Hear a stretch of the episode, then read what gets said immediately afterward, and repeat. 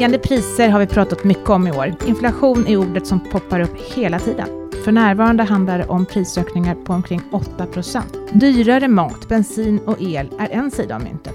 Men det vi ska prata om idag är hur pensionerna påverkas. Hur blir det för oss som fortfarande sparar in till pensionen och vad händer med utbetalningarna? Följer de med prisökningarna eller sjunker köpkraften för pensionärerna? Idag har vi två gäster, Staffan Ström, pensionsekonom på Alekta och Dan Adolfsson Björk, trygghetsekonom på tjänstepensionsbolaget AMF. Välkomna tillbaka båda två. Tack för det.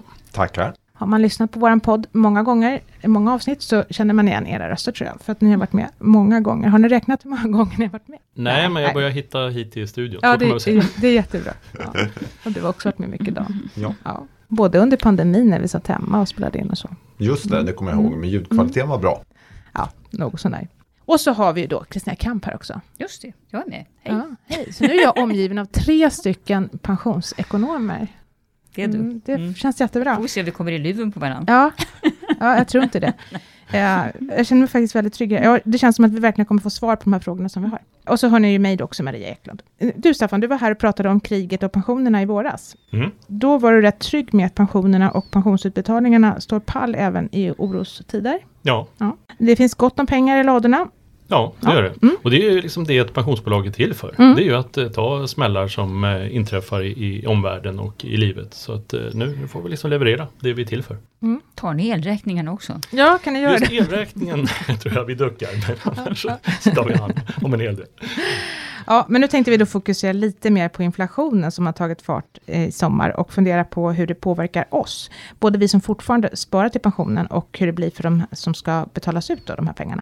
Ja, alltså vi ska prata tjänstepension i första hand. Eh, vi får väl ett särskilt avsnitt sen om den allmänna pensionen. Eh, och jag misstänker också att vi måste dela upp den här tjänstepensionen i den förmånsbestämda och premiebestämda pensionen. Och ni som är totalexperter, kan någon ha en sån här jättebra, vad är skillnaden? I grunden kan man väl säga att eh, förmånsbestämd pension, där lovar arbetsgivaren dig en viss pensionsnivå. Den bestäms utifrån vilken lön du har.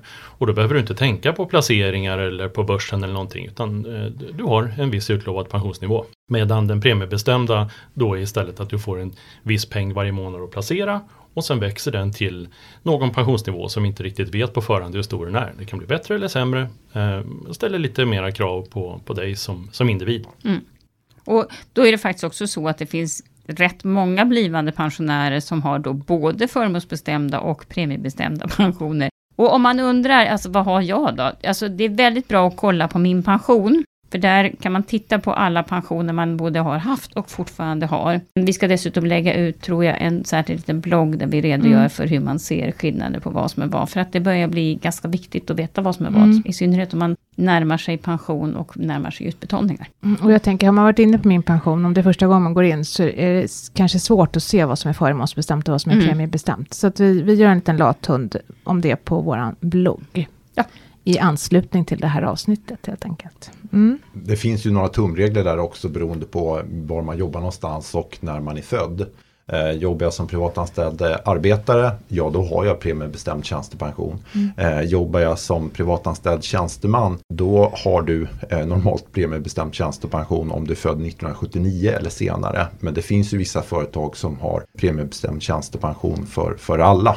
Och sen när det gäller i offentlig sektor så är det ju så att då är det ofta om du har högre löner eller om du har tjänstgöringstid som går tillbaka i tiden. Då kan du ha förmånsbestämd tjänstepension. Annars har du premiebestämd mm. tjänstepension. Och har man nu bytt jobb genom åren då kan man också ha en salig blandning. Exakt. Exakt. ja, så det är mycket. Mm. Mm. Men om vi då ska vara lite pedagogiska så tänker jag att vi tar var sak för sig. Hur påverkar inflationen premiebestämd pension och hur påverkar den förmånsbestämd? Så vi börjar kanske då med dig Staffan. Mm. Ja, hur är det egentligen med den förmånsbestämda delen och ja, inflation? Den funkar ju så att, eh, som jag sa nyss, arbetsgivaren lovar en viss eh, pensionsnivå. Och sen under utbetalning, då räknas den upp med inflationen. Det formellt sett ett beslut som fattas varje höst men det har gjorts varje år sedan 1960 när den här pensionsplanen introducerades och det räknar vi med att det kommer att se ut så även framåt. Så man får faktiskt full kompensation för inflation. Och det där är ju eh, någonting som då kommer att upplevas ganska annorlunda vid det här årsskiftet. De senaste åren så har det ju varit börsen har ångat på, vi har haft nästan ingen inflation alls. I år är det ju precis tvärtom. Nu har ju börsen rasat ordentligt och vi har en mycket hög inflation. Mm. Så eh, i år, eller vid kommande årsskifte här, så kommer ju förmånsbestämd försäkring att visa en av sina styrkor. Att man får full kompensation för eh, Det är lite revansch här nu. Ja, för det har ju varit lite Mm. deppigt. Vi har ju haft avsnitt tidigare när vi har pratat om att den här låga inflationen var problem för Mm. pensionerna. Så nu blir det lite bättre då för... Ja, så köpkraften hos ITP-pensionärer, den blir enorm. Det är de som ska stå Enorm, för vet jag konsumtionen. inte Ja. den skulle hålla med. med om. Men, eh, men det är tanken att man ska ha en konstant köpkraft Mm. resten av livet. Det, det är det som är tanken att eh, pensionen ska hänga med när saker och ting blir dyrare. Och många har ju glömt bort det här med inflation. Det är ganska länge sedan vi, vi hade någon vidare inflation att tala om och så plötsligt i år har det smällt till och så är det den högsta inflationen på väldigt, väldigt länge. Men du, jag tänkte fråga, du säger ändå att det ska fattas ett formellt beslut. Mm. Och jag har för mig att man någon gång då och då har gjort avsteg från den här principen. Ja, man har alltid räknat upp utgående pensioner. Det man har gjort avsteg ifrån det är att vi dessutom räknar upp värdet på alla pensioner som ännu inte betalas ut. Och vid några tillfällen när finanskrisen slog till som hårdast, då avvaktade man med att göra den uppräkningen och sen gjorde man den när det blev lite stabilare något år senare. Och när är deflation då? Ja, när det är deflation, då har vi valt att inte räkna ner Mm. eh, pensionen. Utan då har man liksom räknat av den där lilla deflationen året därpå när vi hade inflation istället. Så eh, ambitionen har varit att inte dra tillbaka pengar. Mm, man smetar ut lite. Ja. Men du kom in osökt in på min nästa fråga då. För att nu har vi pratat om de som har utbetalningar. Mm. Men vi har ju ett ganska stort gäng som alltså har ett slags intjänande, om jag ska säga så då. Mm. Om de ska, kanske ska gå i pension om något år eller någonting sånt där. Mm. Hur fungerar det där? Ja, då kommer vi just till det här att man räknar upp värdet på, på intjänad pension för alla oavsett ålder. Så det kan vara för en, en 50-åring eller 60-åring eller 64-åring. Och återigen, det förutsätter ett formellt beslut i slutet av året men eh, siffrorna ser väldigt bra ut så jag skulle tro att vi kommer att eh, göra även så att man då räknar upp värdet med motsvarande inflationen. Och blir det nu 8, 9, 10 procent då kan ju det betyda ganska mycket. Och det gäller även fribrev. Ja, stämmer. Fribrev, detta märkliga ord. Alltså Ja, vi kanske ska förklara vad fribrev är för något. Intjänad pension som man ännu inte har börjat betala ut.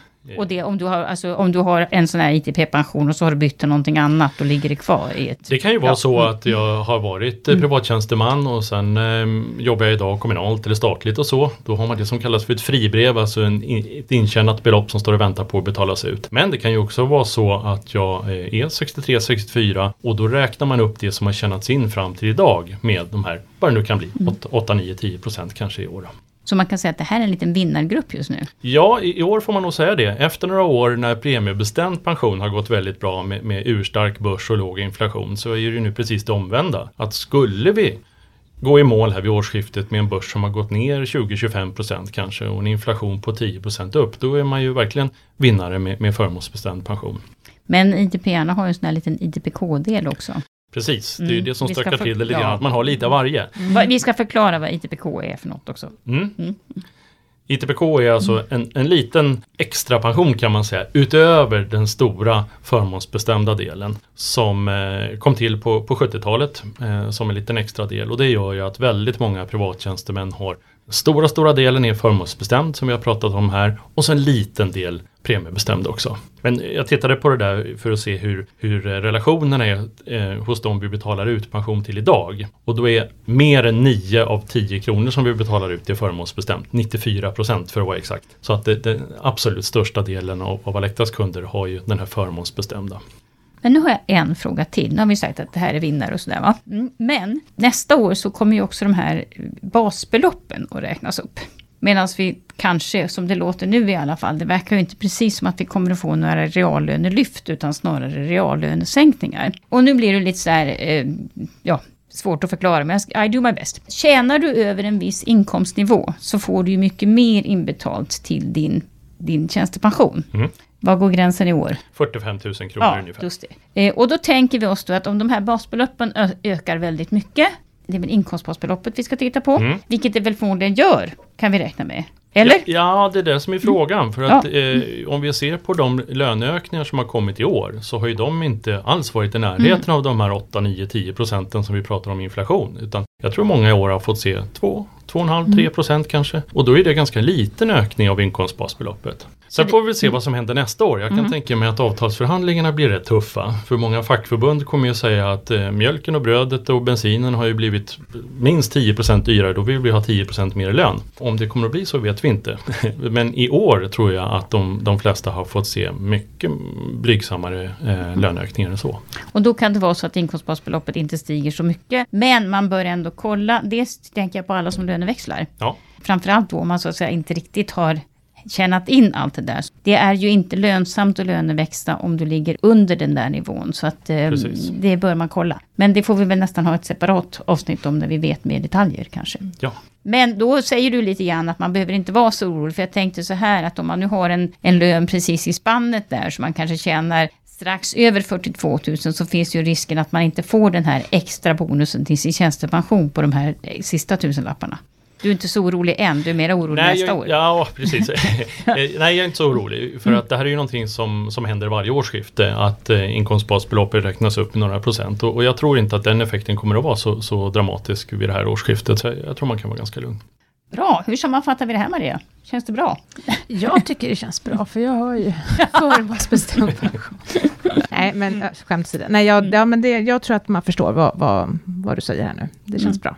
Det här är alltså pensioner som egentligen inte är särskilt beroende av börsen och inte påverkas mycket av vad det är för inflationsnivåer heller. Så kan man säga. Precis, man får Mm. kompensation för det. Och jag kan väl säga också bara att nu, nu pratar vi ålderspension, alltså den, den man får när man drar sig tillbaka för att sluta jobba. Men eh, samma, samma princip att man kompenseras för inflation, det gäller eh, även för den som har utbetalningar från sin kollektivavtalade sjukförsäkring Mm. till exempel. Så att, eh, eller den som har familjeskydd eh, också. Så att, eh, de, de flesta av den här typen av försäkringsförmåner räknas också upp med, med inflationen faktiskt. Det låter snart som att det är mer lönsamt att, att, att inte jobba än att jobba. Men ja, nu övergår vi rast till dagen istället. För nu ska vi alltså byta ämne. Nu ska vi prata om den premiebestämda pensionen. Ja, här blir det ju då annorlunda precis som Staffan redan har hintat. Ehm, och vi på AMF vi har i princip eh, enbart eh, premiebestämda tjänstepensioner. Och ehm, man kan väl säga Har, så ni- här. ursäkta, har ni några förmånsbestämda?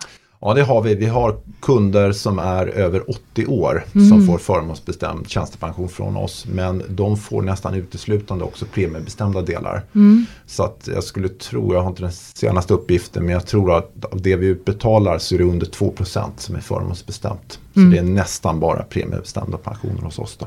Och för den premiebestämda pensionen så är det lite olika om man är i spar eller utbetalningsfas. Det kanske vi kommer in på också då. Men Eh, det är ju din lön som avgör vad som betalas in helt enkelt. Och eh, om lönerna släpar efter så behöver det ju inte betyda så mycket i det korta, eh, korta perspektivet. Ehm, däremot så är det naturligtvis så att börsfallet har en, en stor betydelse för de premiebestämda ehm, tjänstepensionerna.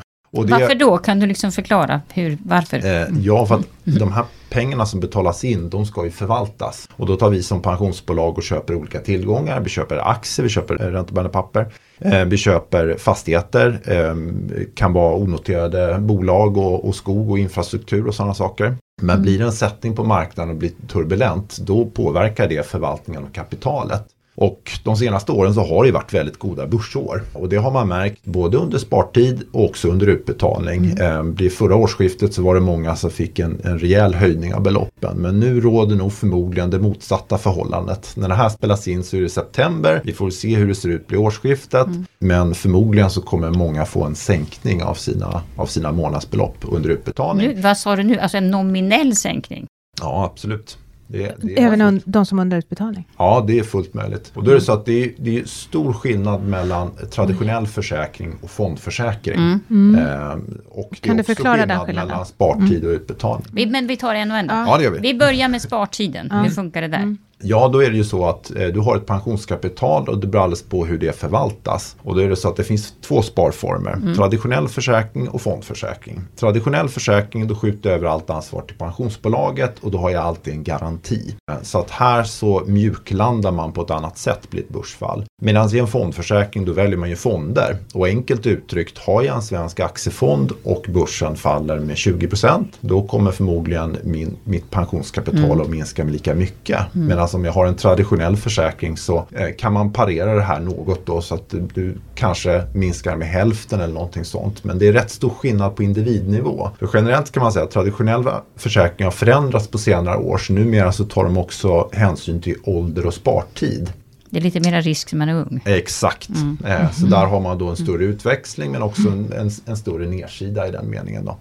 Men det ska man väl också säga att det här är ju naturligtvis ingen, ingen så att säga, förlust som händer i här och nu. Utan det, det där kan ju repa sig för den som fortfarande sparar. Absolut, som alltid finns det två sidor på myntet. Jag tycker framförallt under spartid men även man har lång utbetalningstid så skulle man kunna se det på sånt sätt då att, att börsen svänger, det får man på något sätt räkna med. Och har man en intjäning och man får inbetalning till sin pension kan man ju eh, se det som att man får köpa in sig på aktiemarknaden till lite lägre kurser. Så så kan man Mm, också se det, vilket förmodligen långsiktigt är en, en, en, en bra affär. Då. Så för den som är hyfsat ung, om jag säger så, så kan man nog eh, ta det rätt lugnt. Men för de Ja. som är sådär 60 plus då?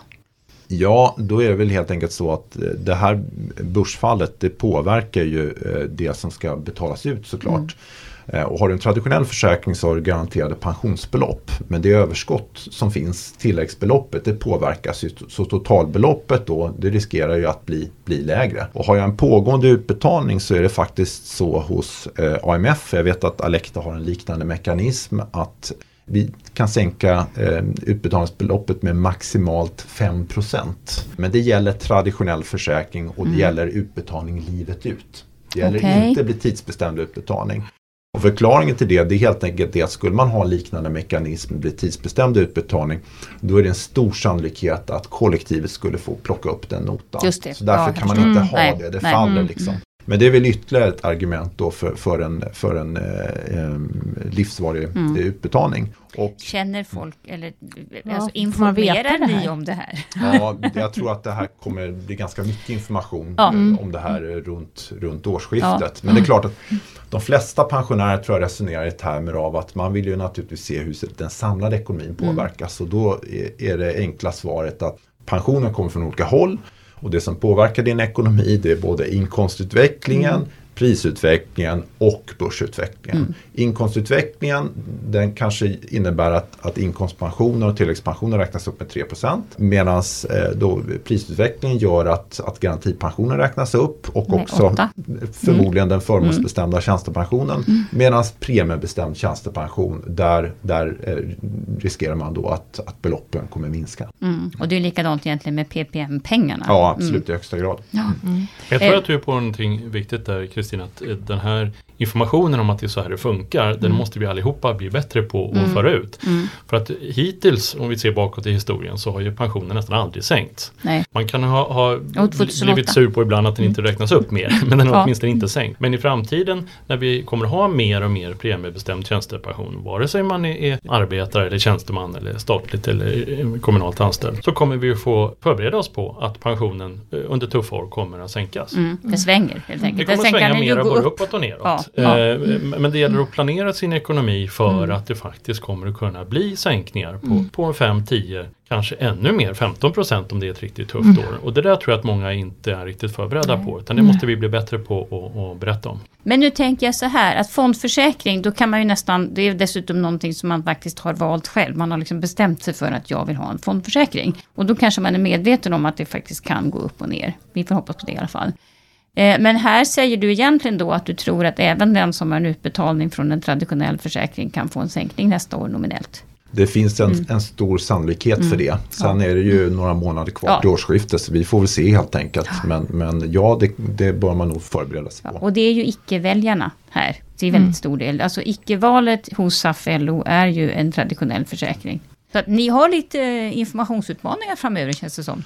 Absolut, Ja. helt klart. Ja. Härligt. Du, en sak som jag funderar på Kristina, du var inne på premiepensionen där. Mm. Jag tänkte, kan du berätta lite grann, hur påverkas den allmänna pensionen utav, utav Ja. inflationen? Och det, det är möjligt att vi ska ha ett särskilt avsnitt om det, men, men som, som Dan säger, alltså det är lätt att tro, oj nu sjunker hela min pension. Det behöver verkligen inte vara så. Och det är det här som vi verkligen pratar om ständigt och jämt här i, i den här podden, att vi kommer att få pensioner från väldigt många olika håll. Och det man redan vet, det som är liksom klart, det är ju att eh, garantipensionen, inte nog med att man faktiskt får en tusenlapp extra, har redan fått på grund av politiska beslut under våren, så kommer den att stiga ganska kraftigt för att här får man ju kompensation för inflationen. Eh, men däremot, den som har tjänat in till egen inkomstpension, den kommer visserligen att öka alltså nominellt. Alltså du kanske får ett lyft på 3% eller någonting. Jag tror det ligger någonstans. Men om inflationen är 8% så kommer det ändå innebära att du kommer liksom att få mindre i plånboken.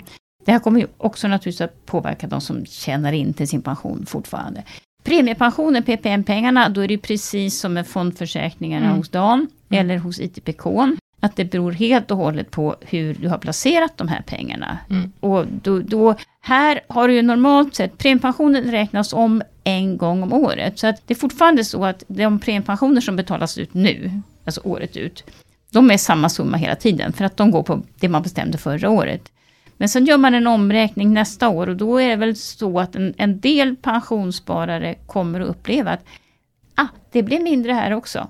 Och då blir det det hela nästa år, för den här omräkningen gör man en gång om året. Nu, en tröst i det sammanhanget är väl då att, att eh, många pension, alltså premiepensionssparandet är ingen stor del av pensionen än. Eftersom intjänandetiden har varit ganska kort för dem. Men, men, det kommer att märkas, det kommer att bli ett minus. Så är det. Mm. Inkomstpensionen? Inkomstpensionen ökar alltså lite grann, mm. men inte det väger inte upp för prisökningarna. Så det kommer ja, ett, det känns som att det blir lite mindre i plånboken. Mm. Mm. Så det här kommer att, vi kommer alla att märka det. Å andra sidan, alla vi som fortfarande har lön kommer ju naturligtvis också sannolikt, eller har vi redan märkt. Mm. Jo, det är dyrt. Mm. ja. Elprisen om inte annat. Men ja. jag tänker på det här med traditionella försäkringar. Är det inte så att alla har lite traditionell? Måste man inte ha det? Eller är det bara vissa avtal? Det är vissa avtal. Mm, okay. Men slår man ut det på hela svenska folkets tjänstepension som en del i liksom hushållens mm. förmögenheter då är det en övervikt med traditionella försäkringar. Mm. Och det är väl helt enkelt för att det är icke-valet för mm. kollektivavtalade mm. tjänstepensioner i stor utsträckning. Mm. mm. Jag tror du tänker på ITP-avtalet. Ja, det kanske jag gör. Ja, precis, för där är det så va? Ja, just det. Där, ja. Eh, där har avtalsparterna bestämt att mm. eh, hälften, minst hälften, måste placeras i en traditionell försäkring. Och det där har ju fått kritik de senaste åren när börsen har ångat på flera sätt. Varför kan jag inte få ta, ta mera risk? Mm. Eh, men eh, det där beslutet är väl fattat just utifrån att det kommer sådana här tider där, mm. när börsen kan gå ner kraftigt mm. och då är just tanken att den som kanske inte är så om sig och kring sig och håller koll på börskurser varje dag eh, inte ska behöva upptäcka att oj, här försvann en fjärdedel av mina pensionspengar utan det ska finnas det här skyddsnätet som, som en traditionell försäkring innebär. Så även på det området så, eh, så liksom visar en annan del av försäkringssystemet sin styrka när det blir sådana här tuffa tider. Men för ITP-1arna så är det ju faktiskt så att de lever ju i samma sits som det som Dan beskriver. Att här har man ju fondförsäkring eller traditionell försäkring. Här har man ju inget inslag av förmånsbestämd pension. Nej, det stämmer. det stämmer. Och det är klart, normalt sett så är ju de yngre, så de har ju liksom framtiden för sig. Men det finns ju en och annan faktiskt blivande pensionär och till och med pensionär som fortfarande som går på ITB1, eller hur? Ja, absolut, ja. så är det. Så att här återigen, det gäller verkligen att titta, vad har jag för pensioner? Det tycker jag man ska göra ganska tidigt i livet, så man, och, och framförallt veta hur de funkar. För ja. alla funkar verkligen inte likadant. Och hur tar man reda på vilken pension? Ja, ska vi ta repetitionskurs ja, det på det? Jag. Gå in på min pension, titta in under intjänad pension, för där finns alla de, både den allmänna pension och alla de tjänstepensioner du både har och har haft. Hur ser jag vilken pension jag har just nu då? Vilken det betalas in till? Kan, kan man se det? Ja, det kan man se. Då får jag ta det. Då får du ta det. Ja. Alldeles nytt faktiskt, från ja. i juni så är det en liten spargris. Om man går Just. på intjänad pension, tjänstepensionsfliken, mm. så finns det en liten spargris på den där det mm. kommer in pengar. Så då vet man liksom att den här är, det, den är mm. premiedragande, heter det. Ha, är det något mer ni tycker att vi bör tillägga i detta sammanhang? Då har vi ändå försökt så pedagogiskt vi kan att reda ut skillnaden på de olika. Och att det är klart, som sagt, det låter ju också som att åh, det blir ett jobbigt år nästa år. Men det är väl ändå så att vi har varit med om det förr och vi kanske kan säga att det brukar gå över. Får vi hoppas på, eller? Det säger du ja. ja. Så varit med ett tag som du brukar säga. Ja. Eller hur, om ni tittar ja. i spåkulorna, vad, vad tror ni framöver? Ja, det är inte lätt att mm. gissa hur det kommer att se ut. Mm. Världen ser så annorlunda ut jämfört med eh, hur det var för ett halvår sedan. Så det, det är jätteknepigt tycker jag. Det, jag tänker eh, utifrån det du sa i inledningen att många har både och. Mm. Man har lite förmånsbestämd och lite premiebestämd. Och där, det, det sägs att en genomsnittlig kund har väl sju Eh, Ja. Sju olika försäkringar när Ja, man går i pension. Och det där tycker många är jätteknöligt och, och det förstår jag verkligen eh, att det, det är svårt att få överblick. Men om vi ska hitta något positivt med det så är det just att man inte har alla ägg i samma korg. För är det så att man har alla sina pensionspengar i en enda fond som råkar gå riktigt dåligt när man ska gå i pension, då är det inget roligt. Utan det finns ju faktiskt en uppsida med att man har kanske lite förmånsbestämt som då liksom är väldigt trygg i sådana här tuffa tider. Och så har man lite premiebestämt som går bra när det är full fart eh, i samhället och, och ekonomin. Och då blir mixen ganska behaglig. Ja men det är alldeles rätt. Ha inte alla ägg i samma korg, man brukar säga. Det är ett bra Mm, tips. ja. Är det någonting mer som jag kan tänka, liksom, kan jag göra någonting själv för att eh, påverka att eh, det inte går ner allt för mycket nu? Ja, det är alltid lätt att vara efterklok. Mm. nu eh, Mm. när börsen har gått ner, vad det nu är, 20-25 procent, eh, så är det klart det är lätt att säga att för ett halvår sedan så skulle man ha allokerat om, som det kallas då. Mm. Eh, det, det är så dags nu. Utan det man kan göra är väl precis som ni har sagt, gå in och titta på hur är just dina pengar placerade Mm. och är det här en, en risknivå som man känner sig bekväm med. Där är det så olika. Vissa är, helt med på att det, det får svänga ganska Mm. mycket uppåt och neråt. Och det är ju åtminstone i teorin så ska det löna sig på lång sikt. Eh, och andra känner att de mar- marginalerna har inte jag i min ekonomi, jag vill ha det lite tryggare. Så det är väl det man kan göra för, för mer lång sikt, kunna sova gott om natten. Att som ni säger, ta reda på var finns mina pengar och, och är, jag, är jag bekväm med det. Mm. Nej, alltså vi är ju på väg in i en lågkonjunktur och, och inkomsten den är ju svår att påverka för de allra flesta av oss. Mm. Utan det är ju den mån man kan se över, se över utgifterna. Har man fondförsäkring eh, då kan man byta fonder både under spartid och också under utbetalning. Men den största delen av tjänstepensionen det ligger sparad i traditionell försäkring och då är det ju pensionsbolagens uppgift att eh, förvalta eh, pengarna och det är ju en viss huvudbry då, en utmanande uppgift i den här stökiga miljön. Men det är deras uppgift så det är ingenting som man själv ska behöva ligga sömnlös över, som tur är. Jag brukar säga att man kan faktiskt eh, eh, risktesta sin egen pensionsportfölj. Eh, och låt säga då att man tittar att okej, 20% av min pension kommer från en fondförsäkring och premiepension till exempel. Alltså är väldigt utsatt för börsen direkt. Och det kanske är värt, låt säga att det är värt, eh, vad ska vi säga, 6 000 spänn av min pension. Ja, om de där 6 000 kronorna tål jag att de kan sjunka med kanske 50%. Nu tar jag i, men låt säga, tål jag det? Jag tål att de kan sjunka med 50% så att jag får inte 6 000 utan jag får 3 000. Är man helt och hållet bekväm med det, då kan man ju ligga kvar i den där höga risken eftersom det förmodligen då, då enligt all finansiell teori, liksom lönar sig på sikt för att det rättar till sig. Men om man inte känner det, man känner att de där 3 000 spänn mindre, eller ja, två, det gör ont i magen, då kanske man måste så att säga tänka lite mer försiktigt kring de här placeringarna. Så man kan alltså verkligen risktesta sin egen portfölj. Sen kan man väl också säga det att de här räntorna kan ju få viss effekt på dels på folks beteende men också på eh, för oss pensionsbolag. Det är svårt att veta på förhand men eh, det är klart att eh, pensionsbolagen generellt sett har ju minskat andelen räntebärande i takt med att marknadsräntorna har sjunkit så har man hittat till andra tillgångslag som det heter. Och nu blir ju räntebärande placeringar lite mer attraktiva igen. Så vi får se i vilken mån som det liksom kanske sker en återgång. Sen tror jag att de som har fondförsäkring eh, funderar kanske också på sin risknivå förstås. Eh, många har ju stått helt och hållet i aktiefonder och då får man väl överväga om man kanske vill ha blandfonder eller någonting. Men vi, vi får se eh, hur, hur man väljer att agera. Men det kan också vara så att om fem år, då blir ni spöade av Duplantis.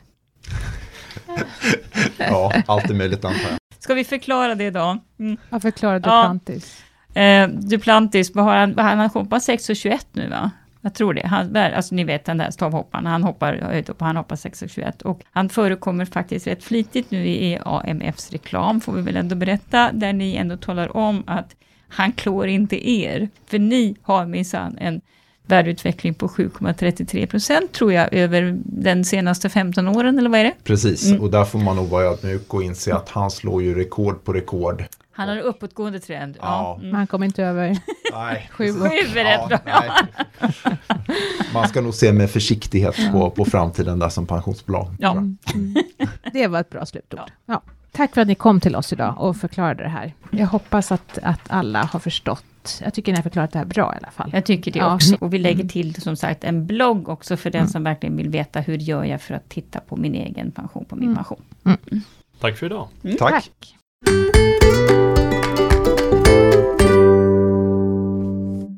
Då har vi kommit fram till dagens fråga och den kommer ifrån Joakim. Han är född 1969. Han undrar när han kan räkna med att få ta ut sin allmänna pension.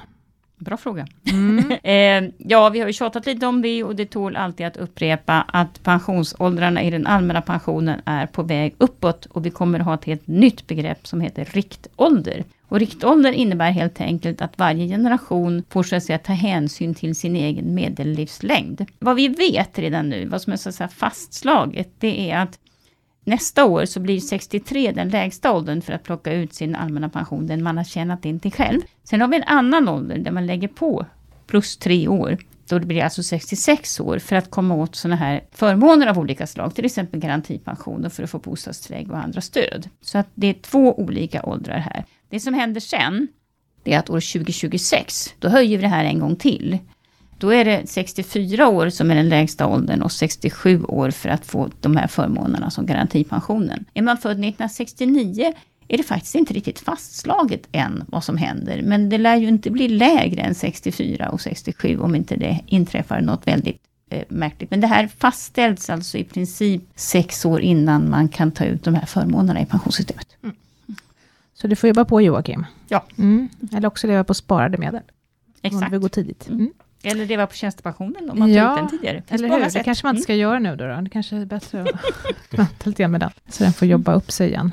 Mm. Eh, men tack för att du har lyssnat på det här avsnittet idag, när vi pratade om hur inflationen påverkar våra pensioner. Och deltog gjorde Staffan Ström från Alekta, Dan Adolfsson Björk från AMF, Kristina Kamp och jag, Maria Eklund från Min Pension. Och Min Pensionspodden produceras av Min Pension som är en oberoende tjänst i samarbete mellan staten och pensionsbolagen. Och det är ju på Min Pension som du får bättre koll på dina pensioner.